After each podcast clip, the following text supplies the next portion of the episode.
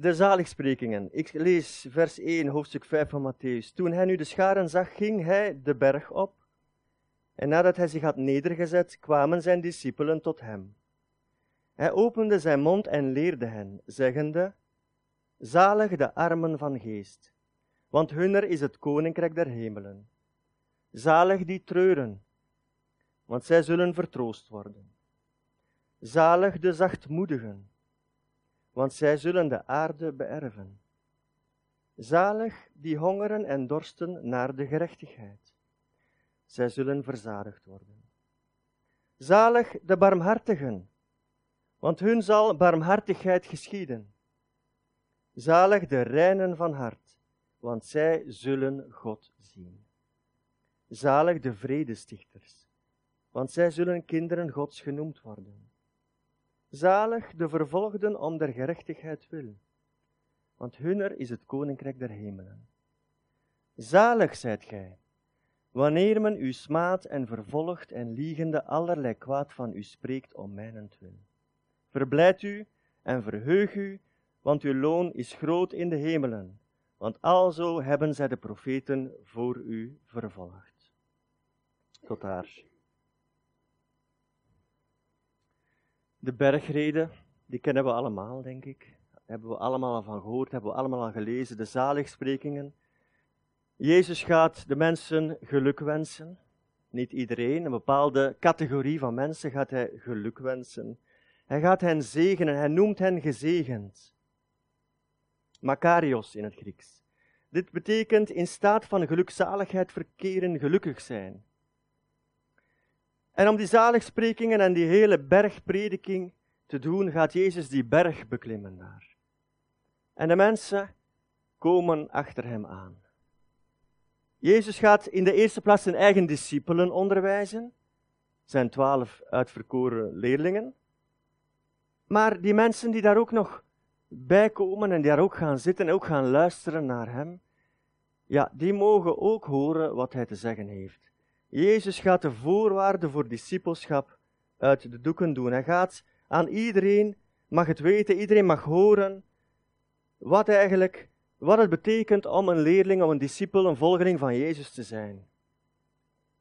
Sommige mensen hebben gezegd, ja, die bergreden, dat was maar voor een hele korte periode dat Jezus deze, dit onderwijs gaf. Voor die korte periode tussen de dag dat hij die preek gaf, tot op de dag dat hij uit de dood opstond. En de bedoeling, zeggen die mensen dan, is dat die mensen die toen leefden, die Joden, dat zij goede werken zouden doen en op een goede manier zouden leven en zo een hemel zouden verdienen. Ja, dat is een, bepaald, een bepaalde opinie, een bepaalde gedachte. Ik geloof daar niet in. Ik geloof dat niet. Ik denk als Jezus die ochtend opstond, of stond hij wel op, want in Lucas lezen we dat hij de ganse nacht had gebeden. Dus hij heeft daar al een nacht van voorbereiding op zitten.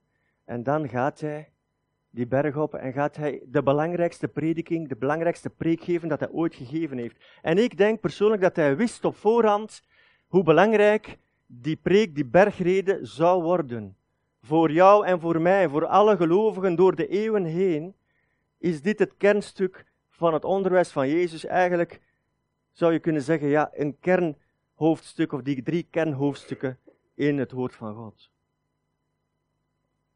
En als Jezus die bergrede geeft, dan gaat het erover, hoe ga je nu vanuit dat nieuwe leven dat God in jou uitwerkt en bewerkt, hoe ga je dat nu uitleven? Hoe ga je nu als christen in de wereld staan? Hoe ziet dat eruit? Hoe ziet het er concreet uit? En Jezus gaat dat allemaal belichten. Hij gaat het allemaal in de kijker zetten. Hoe ziet dat er nu uit, dat leven, dat nieuwe leven dat in jouw binnenste gekomen is? Hoe ga je dat nu uitleven? En het is meer een uitwerken van wat God in jou doet. Het is niet een werken voor je hemel te verdienen en niet een goede daden doen, maar het gaat erom dat je Gods leven dat in jou gelegd is, gaat uitwerken. Als je aan een niet-christen zou vragen, ja, christenen, beschrijf me eens een christen, wat is dat, wat doet hij, wie is dat? En dan gaat hij waarschijnlijk zeggen, ja, dat zijn mensen die lezen zo nog in dat oude boek, de Bijbel, en die gaan op zondag naar de mis of ze gaan naar een kerkdienst en ze bidden en ze doen, ze geven misschien geld voor een goed doel. En daarmee hebben ze misschien dan een christen beschreven. En dan hebben ze allemaal dingen opgenoemd die een christen doet. Zij definiëren een gelovige dus aan, aan de zaken die hij doet. Jezus gaat dat niet doen. Jezus gaat hier beginnen met het karakter van een gelovige te beschrijven. En pas dan gaat hij uitleggen wat, uh, hoe het dagelijkse leven eruit ziet van zo iemand. En wij weten, en als christen weet je dat het handelen, handelen vloeit natuurlijk voort uit, vanuit je karakter, vanuit wie je bent.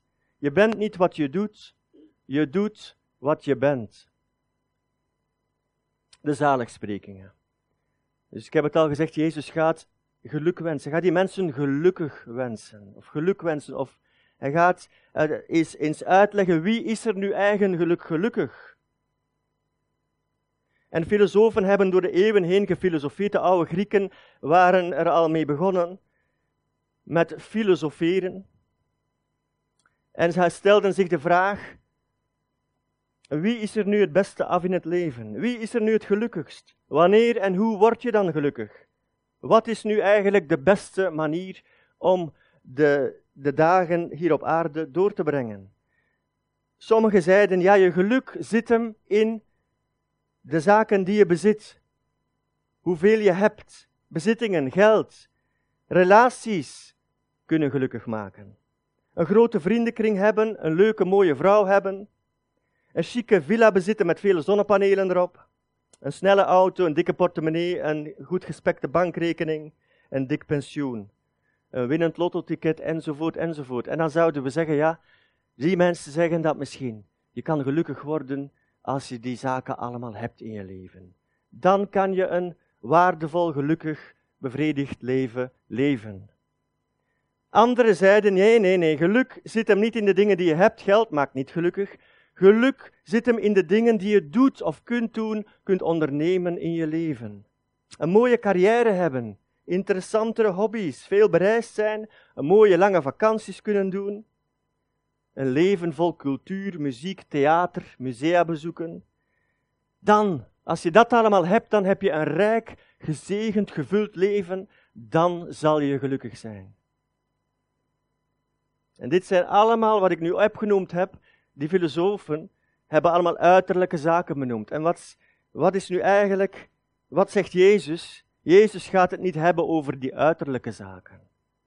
En ik denk dat de onze Heer beter weet wat geluk betekent dan de filosofen van de wereld. Jaren geleden, in het jaar 2000, of ja, 2001, ik weet niet meer juist, was ik zes weken onderweg met uh, Wim Kok. Wim Kok, jullie kennen hem misschien. En ik mocht zes weken meereizen met hem door India en Nepal.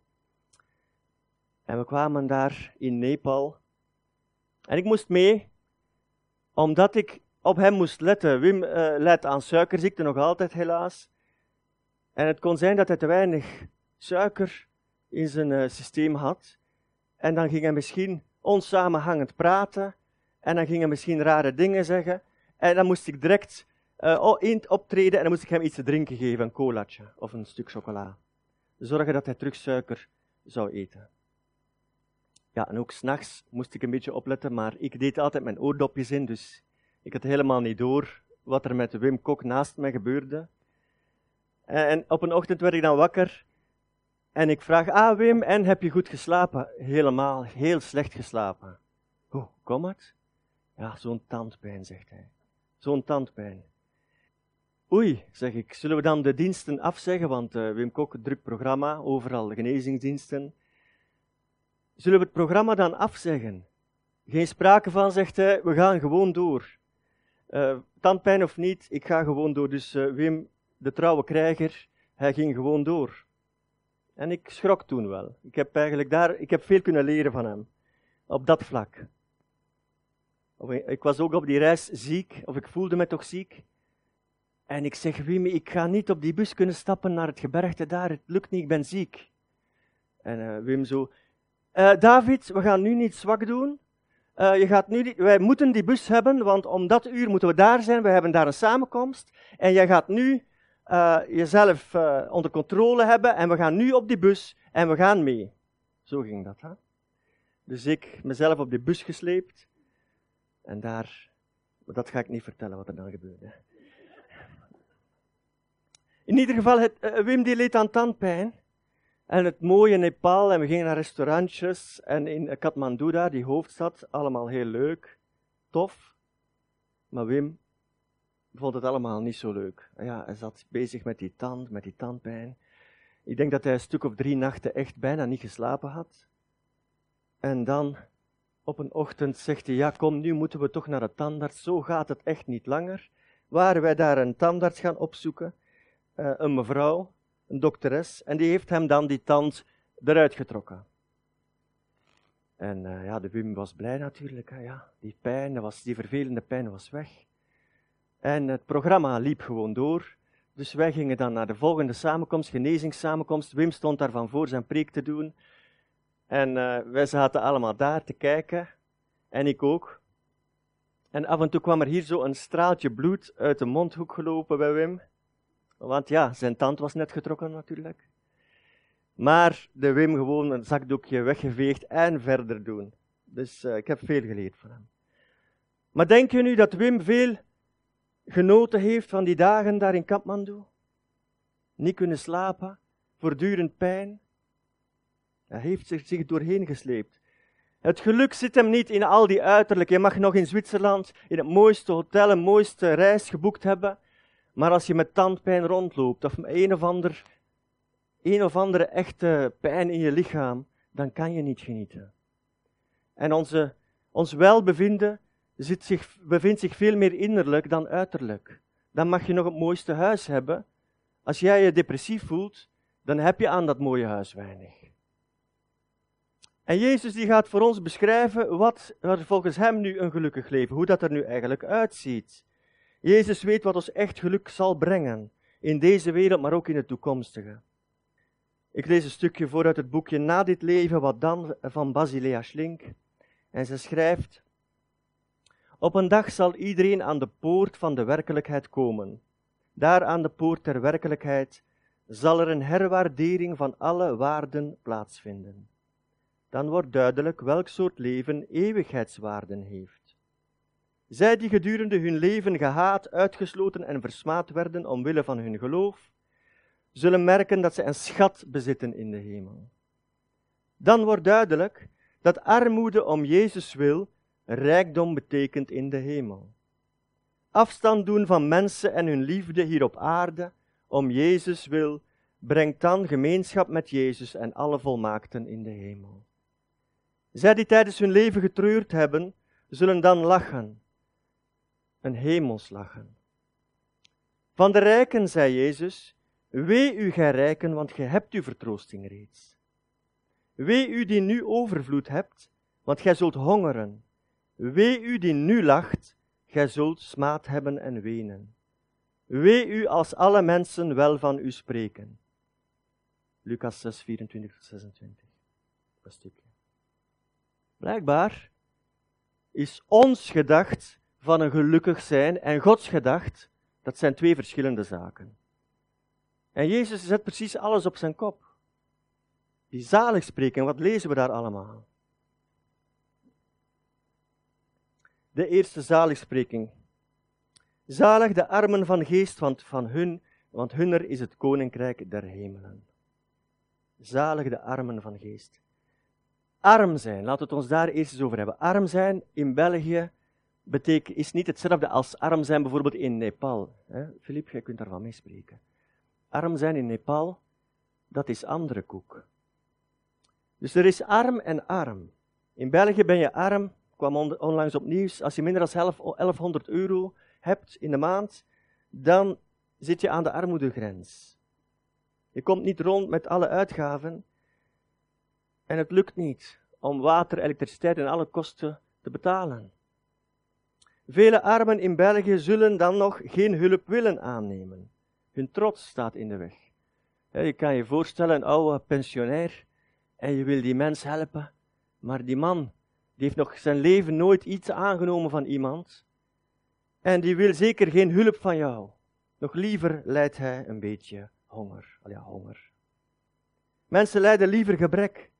En de mensen die wij vandaag arm noemen, zouden in Bijbeldagen nog als rijk aanzien worden. Dus als Jezus het heeft over arm en armoede, dat is niet wat jij en ik daarvan denken. Het arm zijn waar Jezus het over heeft, beschrijft iemand die straatarm is en die tot, tot in zijn nek of tot achter zijn oren diep gebukt gaat onder de schulden.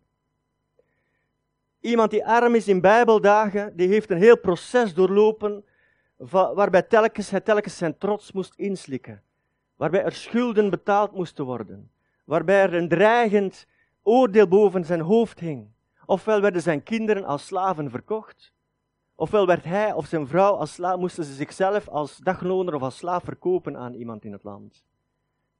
Armoede in Jezus tijd is nog iets anders als wat wij kennen. De arme bedelaars, en dat is ook het woord hier arm, dat betekent bedelaar. Iemand die zijn eigen waarde helemaal wegcijfert en die bij alle mensen aanklaamt om geld te krijgen. Een bedelaar. En we hebben hier, een paar maanden geleden was er hier een Iranier en die was uit Iran gevlucht en die wilde naar zijn familie in het Verenigd Koninkrijk. Het lukte maar niet. Een paar keer heeft hij geprobeerd om in een vrachtwagen te kruipen. Was niet gelukt. Dan, twee keer heeft hij het via Zaventem geprobeerd. En twee keer hebben ze aan zijn pas direct gezien, dat had twee keer een valse pas natuurlijk. En dan hebben ze gezegd, eh, meneer, u bent geen Hongaar. Jawel, jawel, ik ben Hongaar. Nee, u bent geen Hongaar. Hongaren zien er anders uit. En die mevrouw van de douane was ook niet dom. Die, die zijn erop getraind, ze had het. Dus ja, meneer, eh, het gaat niet door. Je blijft hier. Maar hij had geen geld. Hoe raak ik dan terug in Brussel? Te voet, hè? En ja, te voet. Dus dan is hij daar gaan bedelen. En hij vertelde ons dat hij zo beschaamd was. Hij, hij wilde iemand aanspreken en van schaamte, hij kon het niet. En ging in een hoekje ergens huilen, gaan bedelen voor geld. Voor iemand die dat nog nooit gedaan heeft. Dat is heel moeilijk. Dus arm zijn. Wat is nu arm zijn in, in de geest? Dat zijn niet de mensen van Blijdorp in Buggenhout, schooltje waar Donat les geeft. Zijn niet mensen met een beperking. Arm zijn van geest. Ik denk dat het betekent dat je, dat je beseft dat je geestelijk gezien tot over je oren in de schulden steekt. Niet tegenover je medemens, maar tegenover de Heere God. Dat jij een enorme schuldenlast hebt opgebouwd naar de Heere God toe. En dat besef, als je dat beseft, en als je dan bereid bent om je voor God in het stof te gooien en Hem om zijn genade te smeken, dat is denk ik wat hij bedoelt, wat Jezus hier bedoelt met arm zijn van geest, is beseffen hoezeer jij God tekort hebt gedaan met jouw leven. Of als je terugkijkt op je leven, hoeveel kansen dat je verkwist hebt. Je had geestelijk veel verder kunnen staan maar je bent helemaal niet matuurder. Terwijl Jezus al zoveel genade heeft gegeven. Had al zoveel, je had al zo anders kunnen zijn en meer op Jezus kunnen lijken. En als je dat ziet en dat besef, wat heb jij aan God te bieden? Wat kan ik God bieden? Niks. Ik heb hem niks te bieden. Ik heb zijn genade nodig.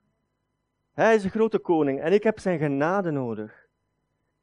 Jezelf voor Gods voeten gooien en om zijn genade smeken. Dat is wat Jezus bedoelt met arm van geest zijn, denk ik. En dat is iets wat mensen heel moeilijk valt.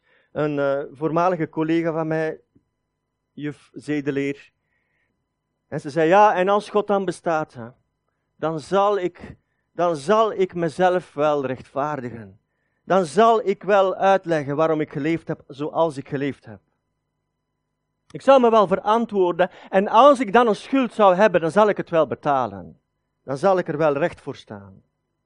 Ja, dat was er wat er uit mond komt. En zekere George Bernard Shaw, die zei, forgiveness is a beggar's refuge. We must pay our debts as men. Vergeving is de schuilplaats voor bedelaars. Wij moeten onze schulden betalen als echte mannen. En met die houdingen dan ga je niet knielend bij de Heer toegeven van ja, ik heb het verknoeid. Ik heb tekortgeschoten. Ik maak er, bak er niks van, Heer. Ik kan er niks van terechtbrengen. Het lukt me nooit. En ik besef het ook dat ik u nodig heb. Ik heb uw genade nodig. En ik heb hier niks dat ik kan aanvoeren als zijnde. Ik kan mijn hemel niet verdienen. Het is onmogelijk. Ik denk dat we dat allemaal mogen beseffen. Als je dat niet, nog nooit beseft hebt, als je nog nooit dat beseft hebt, dan staat er nog iets te gebeuren, denk ik. Arm van geest zijn betekent niet dat je geestelijk arm bent. Gebrekkig Bijbel lezen, een schraal gebedsleven en een uh, tekort aan geestelijke gaven, daar geeft, uh, God geeft daar geen diploma's voor. Ja, Jezus die gaat u daar niet voor bekronen, omdat je niet bidt en je Bijbel helemaal vol stof ligt. Hè? Dat begrijp je toch wel. Dus arm van geest zijn betekent niet geestelijk arm zijn. Paulus, die was geestelijk rijk. Paulus had geestelijke gaven die hij aan de gemeenteleden in de verschillende steden wilde gaan mededelen. Paulus muntte uit in geestelijke gaven en Gods genade werkte sterker door hem dan door, door al die andere apostelen. Dus Paulus, die was rijk geestelijk gezien, maar hij was wel arm van geest. Hij was arm van geest. Hij beschouwde zichzelf als de minste van alle apostelen, niet waard nog een apostel te heten, omdat hij de gemeente vervolgd had. Hij dacht zelfs op een gegeven moment dat hij minder was dan enige gelovige op de wereld. Hij was de laatste van allemaal. Waarom? Omdat hij Gods gemeente vervolgd had. Hij was arm van geest, zoals Jezus het bedoelt. De gemeente te Laodicea, een paar weken geleden denk ik, Leo, jij had het hier voorgelezen. De gemeente te Laodicea, wat zegt Jezus tegen hun? Omdat gij zegt, ik ben rijk en ik heb mij verrijkt en heb aan niets gebrek. En gij weet niet dat gij zijt ellendig, jammerlijk, arm, blind en naakt. Een hele boterham. En dat is de realiteit. En ik denk dat Jezus het daar de puntjes op de i gezet heeft. Dat is jullie realiteit. Ik zeg het jullie liever vlak af, dan kan je er nog iets aan doen. Kom tot mij, zegt hij. Koop van mij goud, witte kleren, nog iets, zalf. Arm van geest zijn. Wat zegt Jezus dan? Zalig de armen van geest, want van hun is het koninkrijk van God. Koninkrijk van God is niet voor de trotse mensen die het allemaal zelf wel klaarspelen en die Gods vergeving niet nodig hebben. Het koninkrijk van God is voor die mensen die beseffen ik ben een bedelaar voor God. Luther zei het ook, we zijn bedelaars. En we hebben daar die preek gehoord ook van Luc Moens, hè, dat, dat wormpje. En er staat ook in de psalmen, ik ben een worm en geen man. En Jezus die hing daar. En die psalm slaat ook op Jezus. En dan zijn we allemaal wormpjes. Bij elke zaligspreking wil ik ook een voorbeeldpersoon noemen. En de voorbeeldpersoon die deze eigenschap van arm van geest ook had, eh, was de rover aan het kruis. De rover aan het kruis. Heel wat op zijn kerfstok. Uiteindelijk, het Romeinse rechtssysteem had hem ingehaald en hij werd aan dat kruis genageld. Hij had wel de chance dat er naast hem een onschuldig iemand hing. Zomaar even hij kon het ook lezen, als hij kon lezen, dat weet ik niet. Dan kon hij lezen, eh, Yeshua, of de koning der Joden, wat stond er? De koning van de Joden hing zomaar even naast hem. En die andere rover was hem aan het uitlachen, aan het belachelijk maken, maar hij zegt, stop ermee. Wij verdienen het om hier gepijnigd te worden, maar die man heeft niks op zijn kerfstuk, heeft niks misdaan. En hij richt zich tot Jezus en wat zegt hij? Jezus, gedenk mijner wanneer gij in uw koninkrijk komt. Weet je, die man besefte dat hij niks kon brengen. Die was arm van geest. Hij wist, hij kon op niks wijzen van, ja, maar ik heb goed geleefd, of ik heb goed voor mijn vrouw gezorgd, ik heb goed... Niks. Mensen pijn gedaan, mensen vermoord misschien wel. Jezus, gedenk mijner wanneer gij in uw koninkrijk komt. En dan is het mooi, want dan zie je het karakter van God, het karakter van Jezus. Wat zegt hij? Ja, nee, ik zal er nog eens over denken. Gij toch niet, manneke, wat denk je? Dat zou wel makkelijk zijn, hè? Hele leven beest uitgehangen en nu zomaar even op uw sterfkruis tot God komen? Nee hoor. Maar weet je wat God zegt? Vandaag nog, heden, zult gij met mij in het paradijs zijn. Halleluja. En dat toont dat God positief is. Hij verlangt ernaar om mensen te redden. Al is op het, op het sterfbed. Dat is voor God ook oké. Dat kan ook. En het gebeurt ook. Als het om redding gaat, dan is Jezus de eerste persoon die klaar staat. Niet moeilijk, heeft zijn leven gegeven ervoor. Zalig de armen van geest. Er kan veel over gezegd worden. Er zijn hele boeken over geschreven. Maar we gaan naar nummer 2. We zullen zien hoe ver we geraken. Zalig die treuren, want zij zullen vertroost worden. Treuren. Diep bedroefd zijn, verdriet hebben, bitter treuren om het verlies van, rouwen. Maar wat bedoelt Jezus? Persoonlijk denk ik niet dat, de tekst, dat we die tekst moeten gebruiken bij een begrafenis. Ik denk dat het meer gaat om een geestelijk treuren. Zalig zij die treuren, zij zullen vertroost worden. Sommige mensen in de kerk geloven dat je altijd blij moet zijn als christen. Als je tijdens de zangdienst niet huppelt en danst en springt en zo'n brede smile hebt van oor tot oor, dan is het niet goed. Ik ben ook al in zo'n kerken geweest. Kreeg ik onder mijn voeten omdat ik niet elke zondag zo'n smile had. En soms zangdiensten ja, en zangleiders, een ras apart. En mensen die ook zo een beetje druk kunnen leggen en klappen en uh, dansen. En dat mag ook, want soms hebben we dat nodig. Hè? Loof den Heer mijn ziel, zegt de psalmist. Dus hij gaat zichzelf ook een beetje in gang steken. En daar is ook een plaats voor.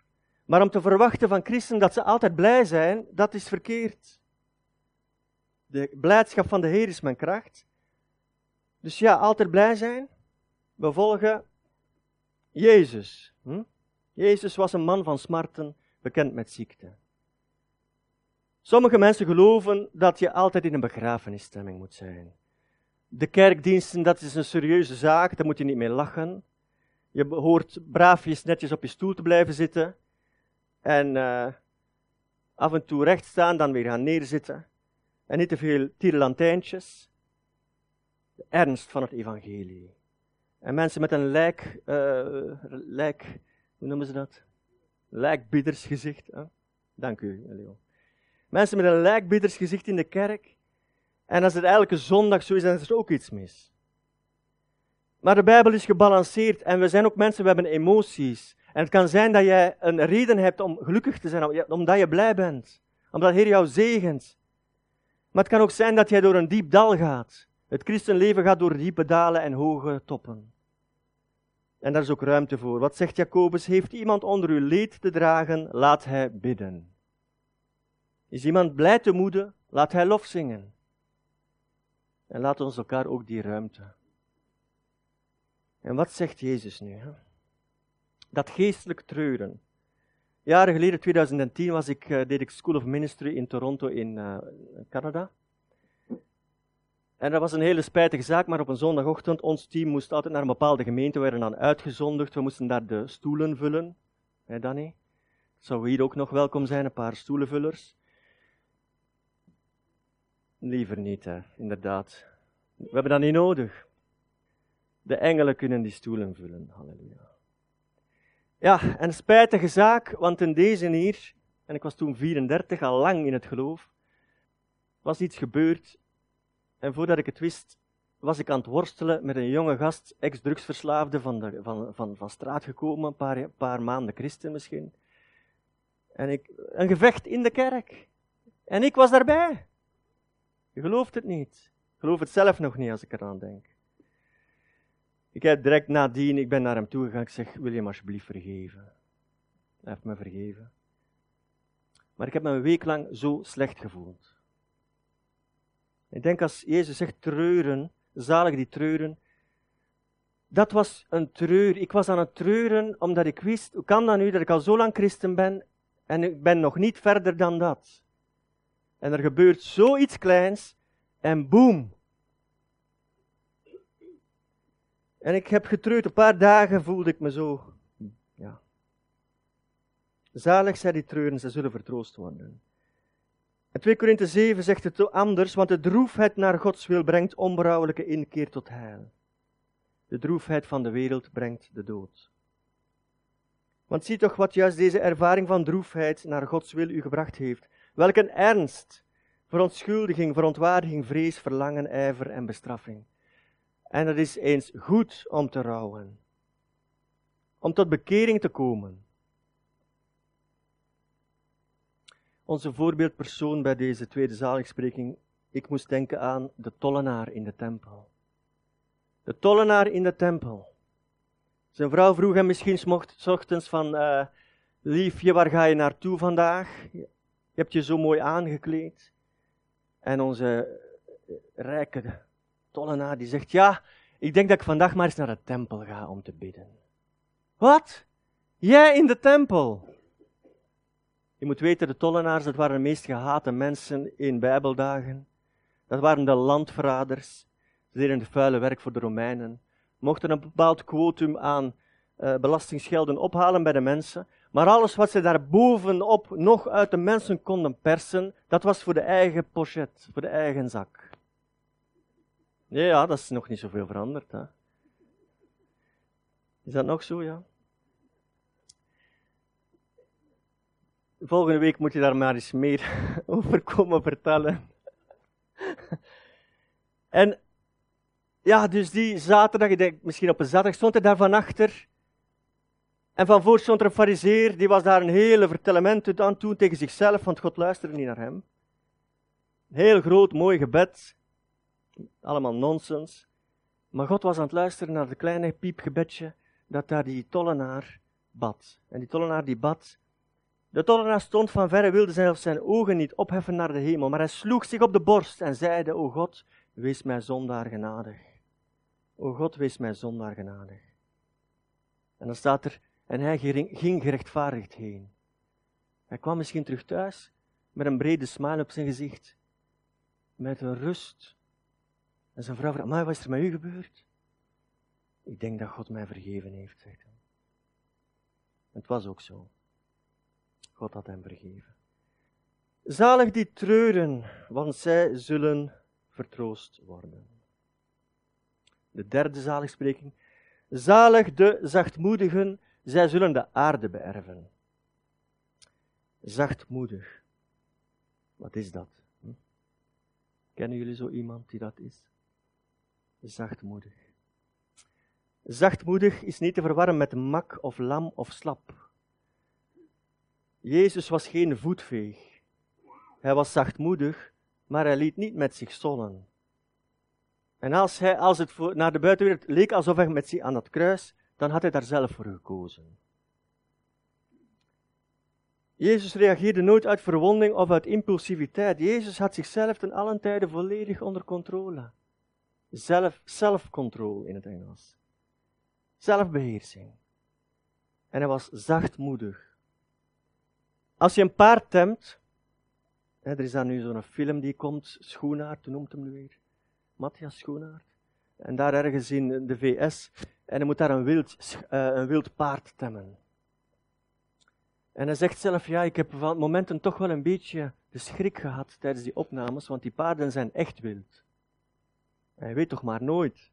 Je moet altijd, je moet altijd bij de pinken zijn, want je weet toch maar nooit hoe een paard reageert, dat wild is.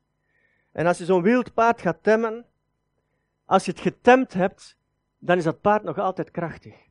Flip gaat in een tijd uh, een paardje, een Arabiertje, maar dat was ook een getemd paard. Maar uh, het had toch ook wel kuren.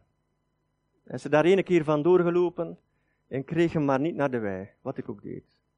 Tot ik hem met, de, met zijn holster zo zijn, zijn lucht af, afklemde.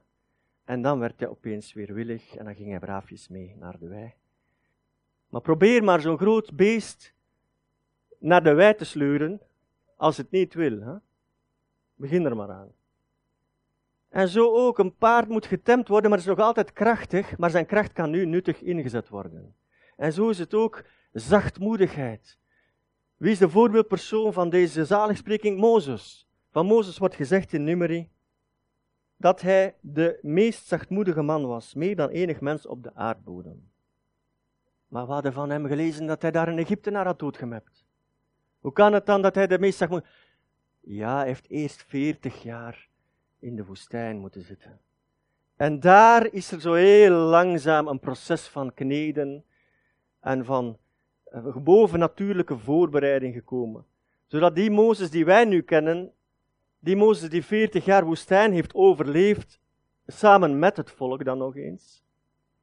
En je moet weten, het Joodse volk is het meest hardnekkige volk. Het is niet ik, ik zeg dat niet, hè, de Bijbel. Hè. meest hardnekkige volk van de wereld. En Mozes heeft het 40 jaar uitgehouden met die mannen. Af en toe kwam hij ook wel aan zijn grenzen. Maar hij wordt genoemd de meest zachtmoedige man. Ja, dat was kwaad geworden. Mozes was aanvankelijk impulsief, explosief, maar uiteindelijk werd hij de meest zachtmoedige mens. En wat zegt Jezus? Zalig nu die zachtmoedigen, want ze zullen de aarde beërven. Als jij in de krant leest, ja, volgende week woensdag zullen de zachtmoedigen de, uh, België beërven, of zullen ze land krijgen, of ergens uh, positie, of een, uh, een mooie job. Forget it. Denk je dat die mensen die nu in de Vlaamse regering benoemd worden, dat dat allemaal zachtmoedige mensen zijn? Hm? Als je, het, als je het, het fijne ervan zou weten, dan heb je misschien wel gelijk. Als je moet weten wat voor, wat voor ijzersterke ellebogenwerk dat eraan te pas komt. In deze wereld krijg je niks geschonken. Het gaat om vriendjespolitiek, het gaat om uh, lobbyen, manipulatie, enzovoort. Ja. Eigen volk eerst, maar ze denken misschien eigen zakken eerst. Hm? Dus ja, dat kan toch niet? Volgende week woensdag zullen, zullen, zullen de mensen. Nee, dat kan niet. In deze wereld werkt dat niet. Maar weet je, Jezus zegt: op een dag gaat het wel werken. Op een dag zullen de zachtmoedige mensen de aarde beërven. Het werd eerst uitgesproken over het Israëlitische volk. En dan werd er gezegd: jullie gaan dat land Canaan in bezit krijgen. Niet omdat je zoveel je best doet, en omdat je zo opdringerig bent, en omdat je het gaat pakken met geweld. Nee, omdat ik het jullie ga geven. En ze hebben dat land gekregen. En zolang ze zachtmoedig bleven, dan mochten ze daar blijven wonen. Begonnen ze dikke nekgerecht te doen enzovoort, buiten. Maar op een dag gaat God ook dit, deze wereld, en hij kijkt nu uit, zijn ogen gaan rond over de hele wereld. En hij zoekt naar die mensen die geschikt gaan zijn voor die nieuwe schepping. Voor die nieuwe hemel en die nieuwe aarde die daar gaan komen. En dan gaat deze zaligspreking, dan zal het waar zijn Gelukkig de zachtmoedigen, zij zullen de aarde beërven. Dan gaat iedereen daar ja en amen op kunnen zeggen. Nu twijfelen we daar nog aan, maar dan ga je daar niet meer aan twijfelen. Nog een zaligspreking? Of uh, hebben jullie je grens bereikt? Saturatiegrens bereikt? Vier. Zalig die hongeren en dorsten naar gerechtigheid, want zij zullen verzadigd worden. Wij weten hier in het Westen niet wat echt honger en dorst is. Ik heb een man gekend in Malawi, toen ik daar een aantal maanden verbleef. En die, die heeft regelmatig heeft die drie dagen achtereen niks gegeten en ook niks gedronken. Maar die man zag wonderen, weet je dat? Die ging bidden voor zieke mensen, voor blinden, doven. En die zag mensen genezen, blinde mensen die beter werden. Je had verhalen. En die vastte soms, zonder eten, zonder drinken, drie dagen non-stop. En na drie dagen dan begin je, zeker in dat klimaat, begin je dorst te krijgen. Echte dorst. Kan je aan niks anders meer denken. Drinken, drinken, drinken. Zalig die hongeren en dorsten naar gerechtigheid. Wat is dat gerechtigheid? Gerechtigheid. Jezus gaat ons bekleden. God wil ons bekleden met de gerechtigheid van Christus. We zullen worden gerechtigheid Gods in Hem. Dat je meer op Jezus wilt gaan lijken, denk ik. We moeten hongeren en dorsten om meer op Jezus te gaan lijken. En, en, en, en dat gerechtigheid, dat betekent ook heiligheid. Verlangen om heilig te leven. Misschien een woordje, Danny, dat we nog in de uh, visie van de gemeente kunnen opnemen. Dat woordje, als je het mij vraagt, ontbreekt daar nog. We willen niet alleen een, uh, een, een, vrijmoedig en blijmoedig uh, gezin zijn dat voor elkaar zorgt en elkaar opbouwt. Maar we willen ook een heilig gezin zijn dat God de eer geeft. Amen. We willen ook een heilig leven. Ja, wij mensen, We hebben vaak niet zoveel honger en dorst naar dat woordje heilig. Net zoals een vierjarige jongen, die heeft geen verlangen naar het woordje bad. Als hij het woordje bad hoort, daar heeft hij geen zin in. De wereld denkt, ik wil hier en nu gelukkig zijn en later ga ik heilig zijn. Als er een later komt, want daar geloof ik niet in. De ware gelovige weet dat God verwacht dat wij hier beneden heilig leven, zodat we later samen met de Heer Jezus gelukkig zullen zijn. En terwijl hij hier heilig leeft, ontdekt hij ook nog dat geluk een bijproduct is van heiligheid. Als je heilig leeft, dan word je gelukkig. Hoe hongerig ben jij? En ik denk dat het een feit is, ik, maar ook jullie, iedereen hier is zo heilig als hij zelf wil. Aan God schort het niet. Hè? Er zit geen blokkage bij de Heere God. Ja, die gaat niet zeggen, ja David, vandaag heb ik geen genade voor jou. Uh, spijt me, bel volgende week nog eens. Zoals uh, als je iets bestelt op het internet, dat kan ook... Uh, dan komt het uit China, dan duurt het drie weken. Dan weet je dat die website, dat je daar niet meer moet gaan. Maar als je bij God iets bestelt, dan mag je het direct ontvangen. En aan God hangt het niet, daar zit het niet het probleem. Dus ik ben net zo heilig als ik het zelf wil en jij ook.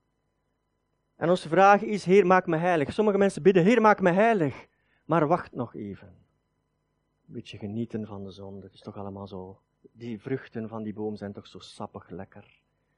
Toch een beetje genieten. Hè? En volgende, volgend jaar, dan misschien voorbeeldpersoon bij onze zalig spreken, zalig die honger en dorsten naar gerechtigheid, ze zullen verzaligd worden. Wie is de voorbeeldpersoon? Ik heb gekozen voor Johannes de Doper. Een man die daar in de woestijn moest gaan wonen.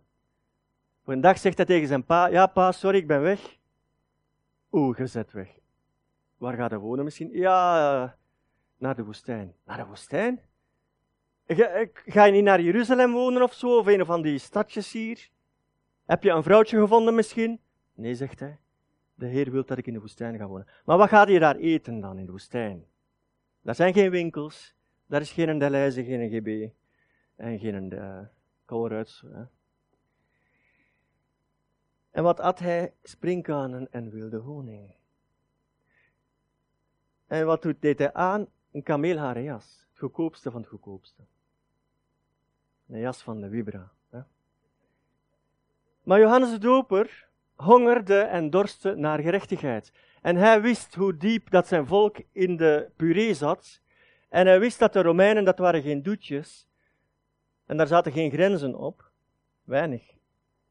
Die hadden niet die zachtmoedigheid die Mozes bezat. En hij wist, we hebben een groot probleem. En wij hebben die Messias dringend nodig. We hebben hem echt van doen in dit land. Ons volk heeft Jezus nodig, dringend. Hij wist toen nog niet dat het Jezus ging zijn, zijn neef. Maar hij verlangde, hij hongerde en dorstte naar gerechtigheid. Hij wilde dat die Messias eindelijk op de proppen zou komen en hij werd de wegbereider voor de Messias. En hij ging de mensen oproepen tot bekering, zodat ze klaar zouden zijn. Want de redder, de Messias, ging komen. En de mensen luisterden. Waarom? In hun optiek en opinie ging die Messias hun bevrijden van de Romeinen. Die ging orde op zaken stellen. Die ging koning worden in het land.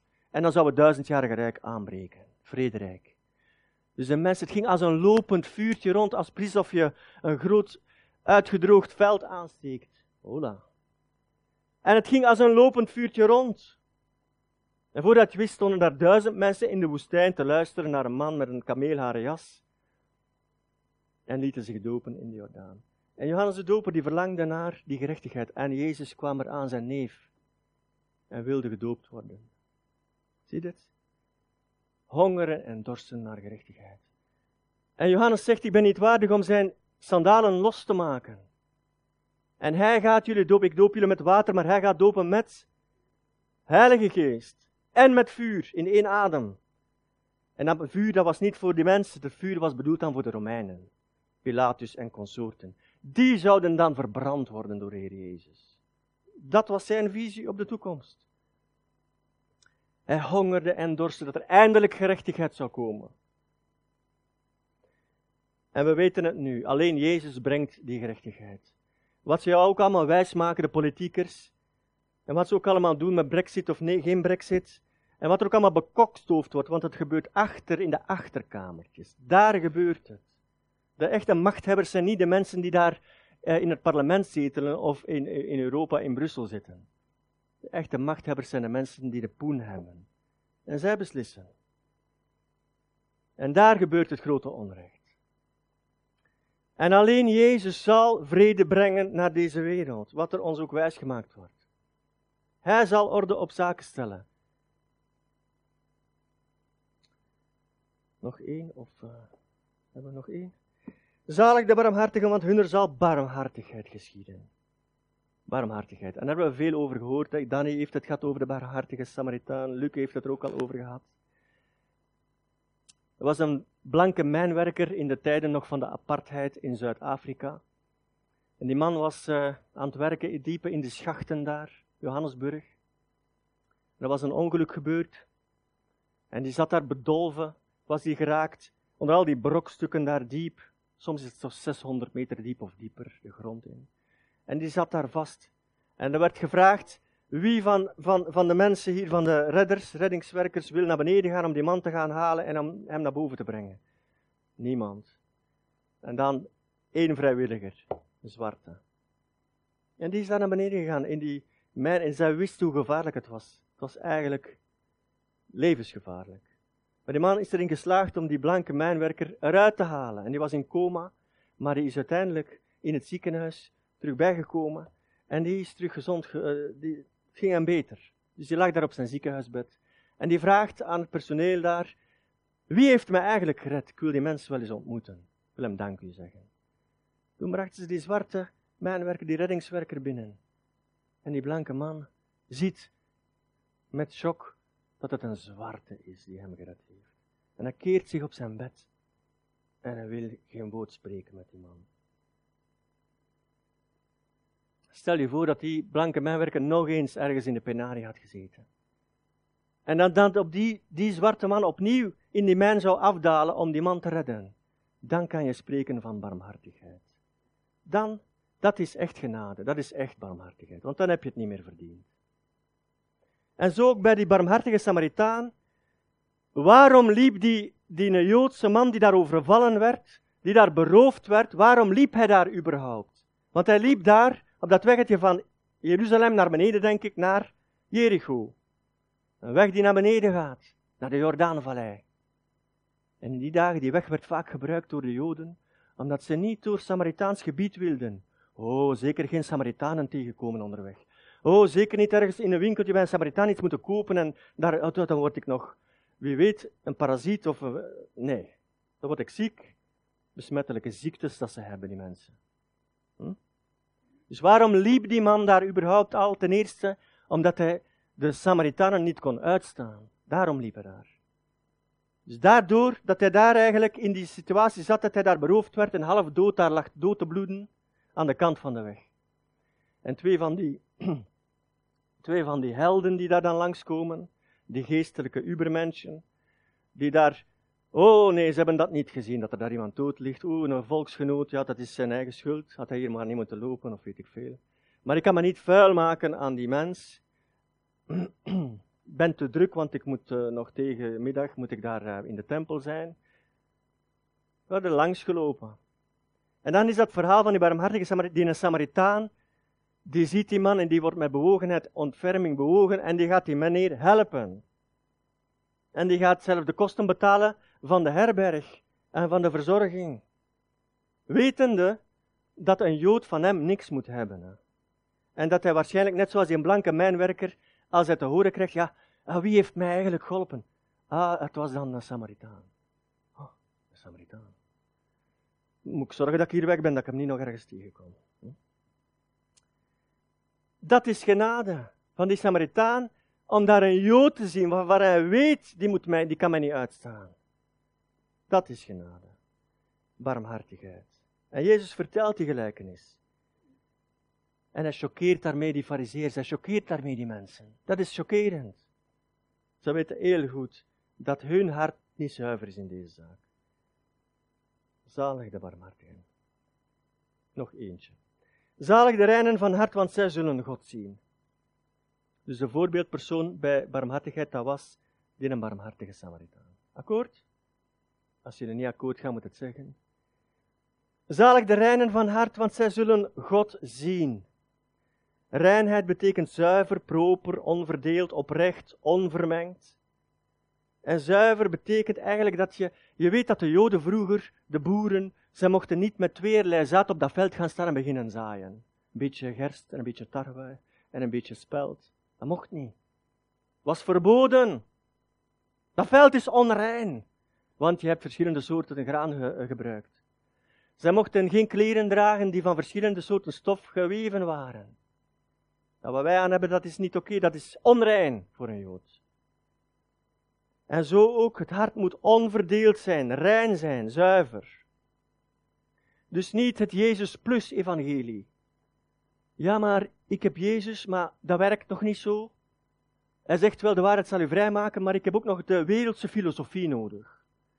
Geef me nog een beetje wereldse filosofie, ja, en dat werkt precies beter. Amai, de Jezus, oké, het gaat Jezus plus worden dan in mijn leven. Is Jezus niet genoeg misschien? Misschien omdat hij hem niet kent. Zalig de reinen van hart. Rein van hart betekent dat je hart helemaal Jezus toebehoort. Dat je 100%, 100 plus 1% voor hem gaat. Niet evangelie plus. Al de rest, weg ermee. Ik heb Jezus nodig. En de voorbeeldpersoon van iemand die daadwerkelijk alles heeft achtergelaten om Jezus te volgen, die vrienden, familie, vader, moeder achtergelaten heeft. En achter Jezus, een van de discipelen van Jezus, Johannes. Johannes, die apostel werd later. En hij was altijd waar? Dat was een plakker. Dat was echt een plakker. Hij kleefde altijd aan de boezem van Jezus. Dat de andere apostel, allee, kom jongen, Johannes. Laat Jezus nu ook eens een stukje van hem voor ons. Je plakt altijd bij hem. Heb jij te weinig aandacht? Maar hij was verknocht geraakt. Zijn hart was onverdeeld verknocht geraakt aan die Christus, aan die Heer Jezus.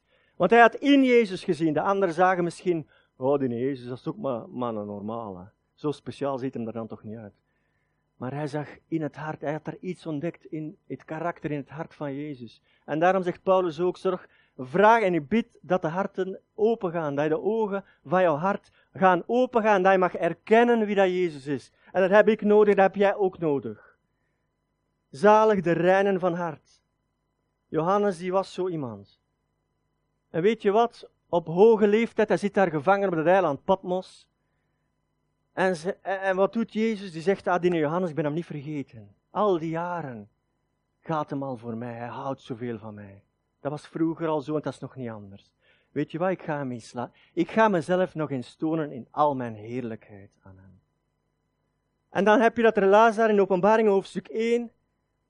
En hij mocht Jezus zien. Je moet hem maar eens lezen. Het eerste hoofdstuk daar, vers 12 en volgende. En Johannes die mocht Jezus zien in al zijn glorie, herkende hem bijna niet terug. En hij viel daar als dood voor zijn voeten neer. Dat was het resultaat. En toen ik hem zag, viel ik als dood voor zijn voeten. Hij legde zijn rechterhand op mij en zeide, wees niet bevreesd, ik ben de eerste en de laatste. Enzovoort, enzovoort. En zie je, dus reinen van hart, onverdeelde toewijding. Als jouw leven volledig overgegeven is, als mijn leven volledig overgegeven zal zijn aan de Heer Jezus Christus, dan zal Hij mijn ogen gaan openen. Dan zal Hij jouw ogen gaan openen. Dan ga je zien die heerlijkheid. Dan ga je verknocht raken aan Hem. En ik ga hier stoppen, en dan ben ik toch nog goed bezig, denk ik. Hè? En uh, de rest hebben jullie van mij nog te goed. Dan kunnen we verder met die bergreden. Dat zal dan 22 uh, december zijn. Deel 2 dan, voilà. Amen.